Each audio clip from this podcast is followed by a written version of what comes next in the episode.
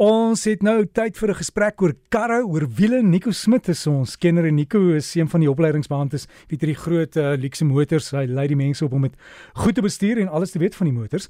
En dan kry jy ook baie keer vrae en Nico sê vir my dat deesdae kan 'n mens nie meer sien wanneer is 'n kar se engine groot of klein nie. In die ou dae kon jy kyk na die uitlaatpype as hy sulke groot is gehad het, het jy geweet. Maar deesdae glad nie. Hallo Nico. Hallo Derek, hoe gaan met jou? Met my voor die wind, uh, dis dis uh, be, hoe sê hulle betrokke hier in Johannesburg. Ons hoop om reën te kry. Ek weet nie daar by jou gaan dit goed? Ja, nee, dit gaan baie goed. Dis dis dis betrokke hier by my ook. Ehm um, so um, dis bewolk. Ek weet nie of dit gaan reën. Is hierdie wolke wat net so lyk soos reën maak. Dink nie tans gaan daar reën wees nie. Hoopelik definitief bietjie later ons kan doen weer met die met die reën.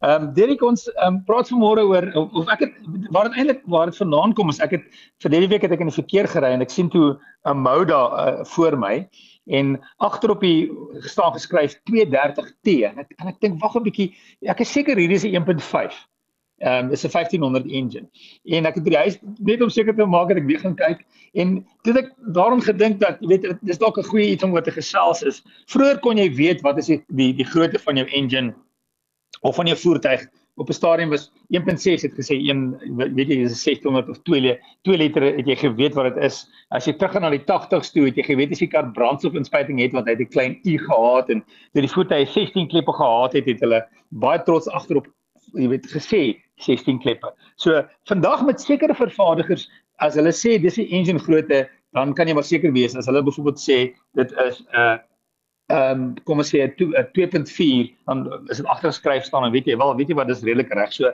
vervaardigers is Toyota behalwe natuurlik met die Corolla Cross wanneer dit 'n hibriede engine is dan weet jy dis 'n 1.8 maar daar's ook 'n elektriese motor by Mazda of Nissan of Opel of Ford of Honda gaan gewoonlik vir jou as hulle geskryf is op die engine agter die voertuig dan is dit weet jy 'n goeie idee dis die regte engine grootte. Maar baie vervaardigers ook het begin kyk en sê weet jy wat hulle het byvoorbeeld 'n 2 liter engine maar daar's verskillende kraglewerings vir daai 2 liter engine.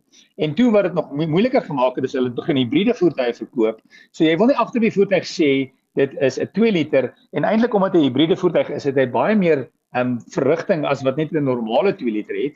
En dan ook wat nog gebeur het is die voertuigvervaardigers het na kleiner engines toe gegaan. So hulle het byvoorbeeld 'n 1 liter engine gehad en niemand wil agter op sy kar 'n 1 liter nie want ons Suid-Afrikaners wil ons nou ons is ons ons is bietjie skaam om te sê ons ry net 'n 1 liter engine. So ehm um, dis een van die redes ehm um, hoekom die baie van die vervaardigers ook nou alhoewel jy dink agter die voertuig is dit 'n sekere grootte, is dit nie regtig so nie. Kom ek gee vir jou 'n paar voorbeelde.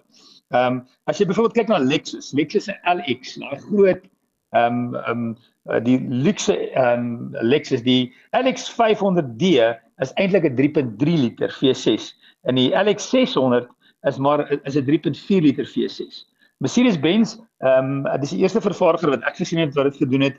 Ek onthou nog ehm um, die C260 was eintlik 'n 2.4 liter engine. Ehm um, voorbeeld daarvan is 'n C220 diesel ehm um, is nie 'n 2.2 nie maar eintlik 'n 2 liter. Volvo is al die engines 2 liters. So maak nie saak tans watse Volvo jy koop nie, al die engines vir Volvo is 2 liters. Daar's verskillende kraglewering. So dis hoekom dit 'n T8 byvoorbeeld kan wees in plaas van om jou engine grootte te gee. Audi het 'n hele ander pad gevolg. As jy byvoorbeeld by Audi het nommers, ehm um, kom ons sê 35, kan 'n sekere kar 'n 1.4 wees en sekere kar 'n 2 liter. So vir Audi is die die nommer is 'n sekere kraglewering. So hoe hoër die nommer, hoe meer krag lewer die voertuig. BMW is uh, in 'n sekere mate doen hulle dit so BMW byvoorbeeld ehm um, kry 'n 40 of 'n 50 in sekere karre en dan sekere voertuie sal byvoorbeeld 'n 3 is ehm um, 'n uh, 340 as die engine is eintlik 'n 3 liter en nie 'n 4 liter nie. Ja, so die vervaardigers doen dit omdat die, die krag ehm um, byvoorbeeld in 'n 1 liter engine ehm um, vergelyk dit is met die 1.6 en omdat hulle nou hibriede voertuie het waar jy petrol engine of 'n diesel engine het met 'n elektriese motor, so die kraglewering is baie meer. So tans as jy 'n voertuig koop, weet maar die engine grootte agterop is nie noodwendig die of die nommer agterop is nie noodwendig die engine se grootte aan die binnekant nie want dit die die die motorindustrie verander gereeld. Ehm um, so miskien in 'n paar jaar het dit weer verander. Ek onthou op 'n stadium as, 'n laaste voorbeeld Volkswagen Kombi ehm um, was daar TDI Ehm um, en partymal was die U rooi dan weet jy hy het 'n sekere hoeveelheid krag gehad en as die D en die U rooi was weet jy hy het meer krag gehad en as al drie rooi was dan weet jy hy het nog meer krag gehad. So tans is dit net ehm um, byvoorbeeld TDI agter die voertuig of TSI vir Volkswagen. So die wat jy agter op die kar sien is nie noodwendig die engine grootte nie. So ons sal maar maar kyk hoe vinnig hulle kan wegtrek, né, nee, Nico?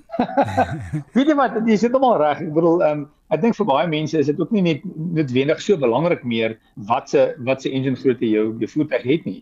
Weet jy, die klein eh, weet as jy 1.8 1 liter turbo, die daai engines is ongelooflik.